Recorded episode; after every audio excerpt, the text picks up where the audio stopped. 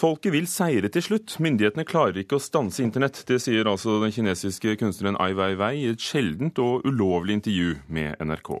Ai Weiwei er internasjonalt anerkjent. Han hadde utstilling på Louisiana nylig, og var kunstnerisk konsulent for nasjonalstadionet Fugleredet, som ble laget til sommer-OL i Beijing.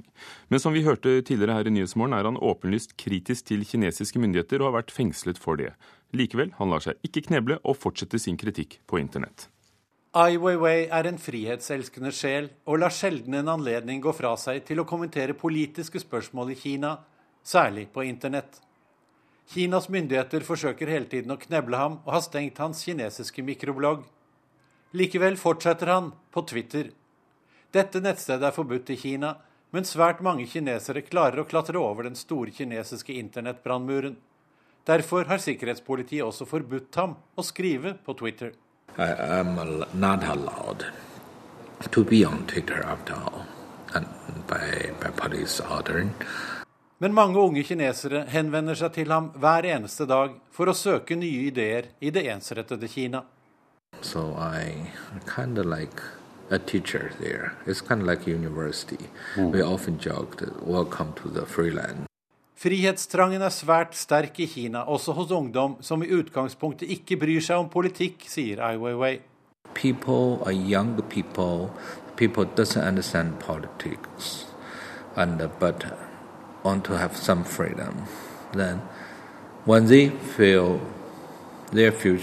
been limited, their struggle has been uh, blocked by certain power, then they will start to curse that.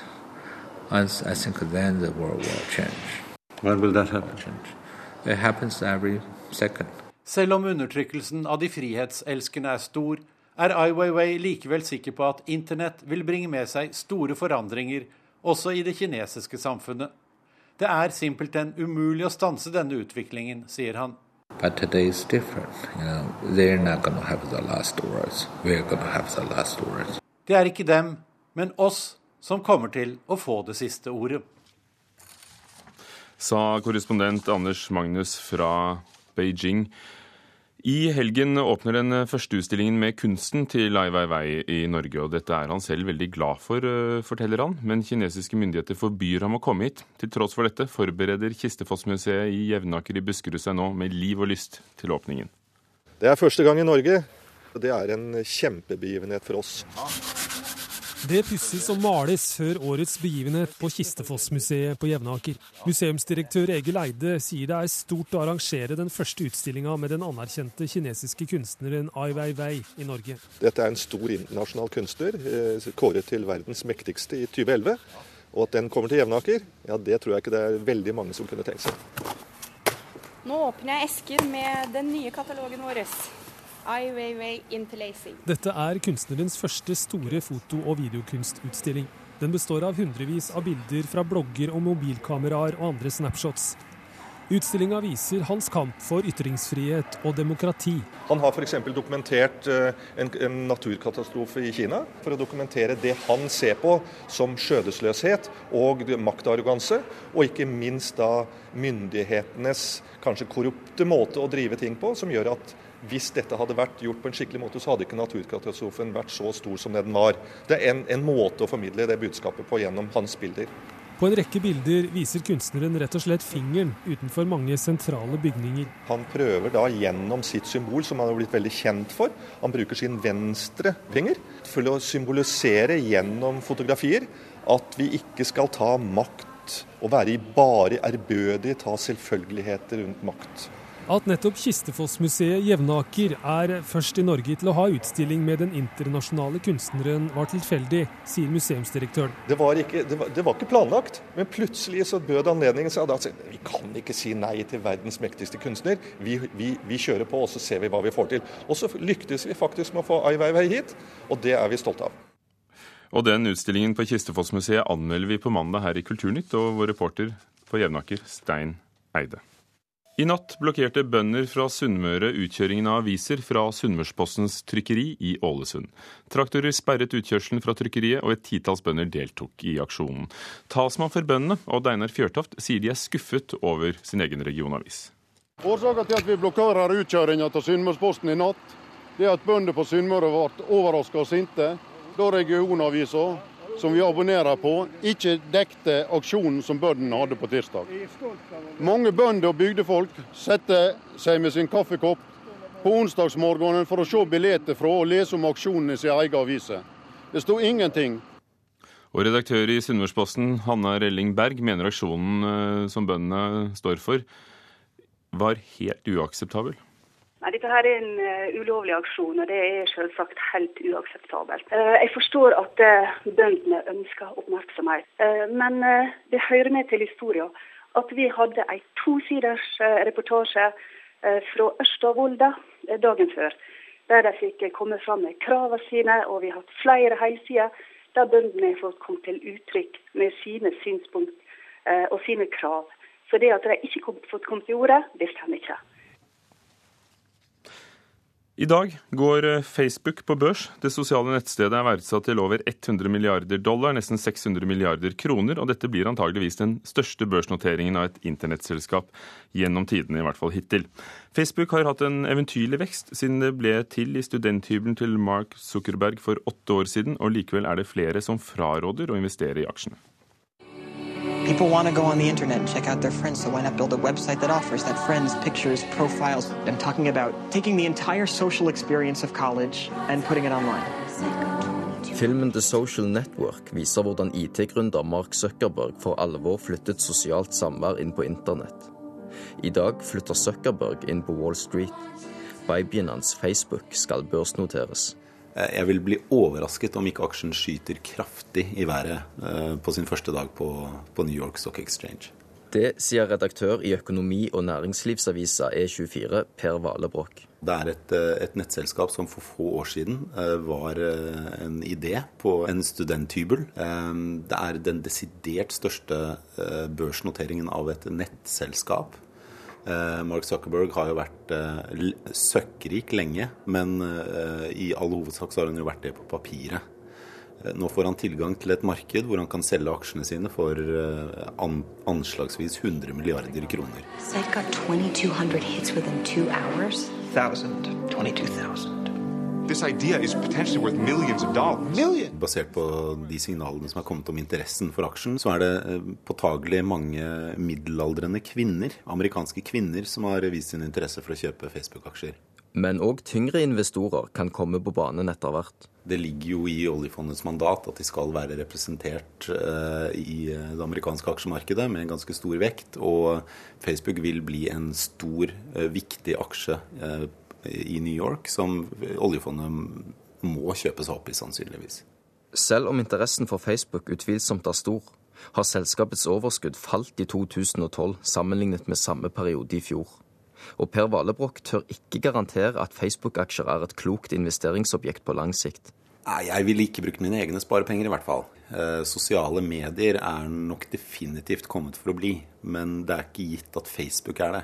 Selv om det er vanskelig å se noe alternativ til Facebook i dag, så eh, kan det jo tenkes at det vil komme et alternativ som er bedre og annerledes og bringer noe nytt til torg som Facebook ikke klarer å levere, og som gjør at alle rømmer dit i stedet. Jeg tror at sosiale mediebrukere er utro.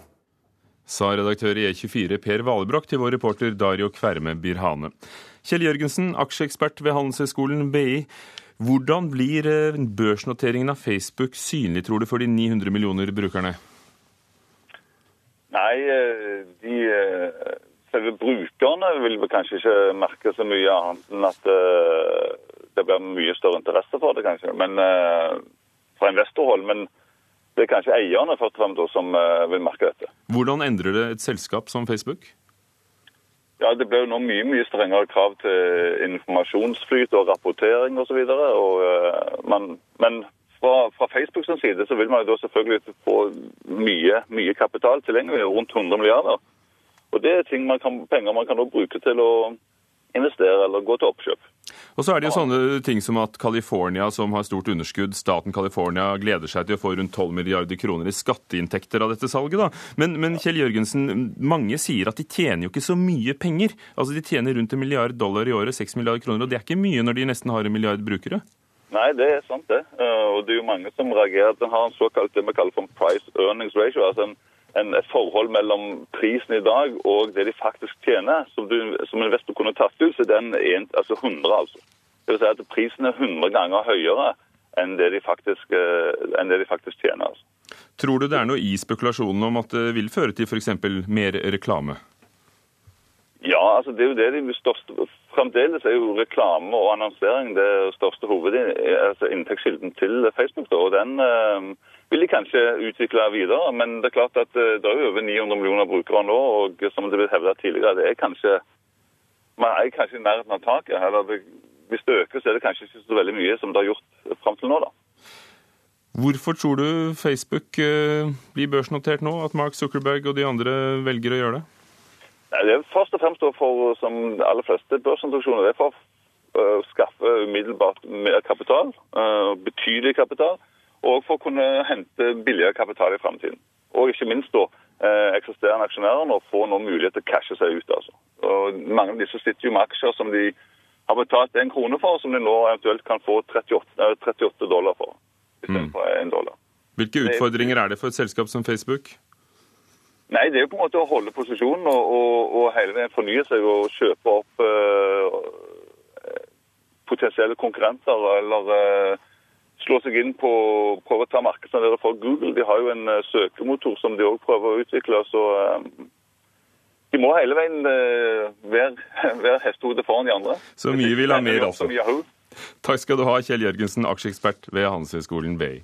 Den egyptiske regissøren Yosuri Nasrallah har laget en film om livet etter Mubaraks fall i Egypt. Og nå kjemper den i konkurransen om Gullpalmen.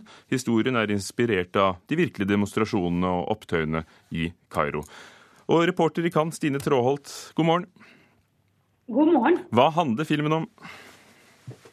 Du, den handler om en av disse eh, såkalte kamelkjørerne og hestekjørerne som eh, var på Mubaraks side og angrep, angrep eh, demonstrantene på Tahir-plassen. Og så er det hans møte med en eh, politisk aktivist eh, fra et helt annet sosialt lag. En ung, rik kvinne som jobber i et eh, reklamebyrå. Hva har han sagt om hvorfor han ønsket å lage denne filmen? Jo, Han fortalte i går på pressekonferansen at han rett og slett ikke hadde noe valg. For egentlig så var han eh, i gang med å lage en helt annen film. Men når han så rundt seg og så hva folk var opptatt av, og også skuespillerne og hele produksjonen han hadde fått med seg til, til filmen sin, så, så, skjønte han at han var nødt til å endre på dette. Fordi eh, det føltes helt unaturlig å ikke til, ta hensyn til omgivelsene rundt seg. Så i løpet av 46 dager så ble en helt ny film til. Eh, han puttet skuespillerne inn i de virkelige hendelsene rundt i Egypt. Eh, han skrev manus underveis, også sammen med befolkningen på steder eh, der de var og, og skjøt filmen. Eh, og han ville rett og slett få fram og vise noe av det mer komplekse i, i mennesket. For han mente at eh, fremstillingen sånn som den hadde vært eh, så langt, var eh, helt svart-hvitt. Men, men når du forteller dette at det er så nær virkeligheten, så er jo spørsmålet hvorfor laget han ikke like godt en dokumentar? Ja, og, og det, det, var han ganske opptatt av. For han mente rett og slett at en dokumentar eh, ville ikke eh, vise virkeligheten på en måte. Eh, han, han, sa det at i vanskelige tider, og spesielt under en revolusjon, så kan bare en spillefilm, en fiksjonsfilm, hjelpe oss til å se ting klarere. Fordi den tvinger fram nyansene i mennesket og tvinger oss til å tenke og forstå. Eh, vi håper at det hjelper til å se klarere, og at vi kan høre deg klarere, Stine Troholt fra Cannes. Men, men, han fikk lov til å lage filmen, altså, av myndighetene? Ja, ja, altså det, det, islamske partiet ønsker jo eh, å, å, forby eh, kunstnerisk eh, virksomhet i det offentlige rom. Eh, så, så, Han måtte lage et eh, kodenavn på filmen eh, som en arbeidstittel, som kunne minne noe om en romantisk komedie. han ble også stoppet en gang under filming på Tahir-plassen, men han klarte å overtale til å, å kunne fortsette siden dette var opprørernes plass, eh, sa regissøren, eh, så, så burde han ikke hatt noe, trenge noe tillatelse til, til, å filme. Og Skuespillerne fortalte også at de var redde hele tiden, eh, men fordi de så på kunst eh, som frihet, så ville de fortsette. Takk skal du ha, Stine Trål fra Cannes. Vi må avbryte der om filmen om Yosuri Nasrallah som han har laget om opprørene i Egypt. Og så hører vi mer fra deg fra hva som skjer videre utover dagene på filmfestivalen.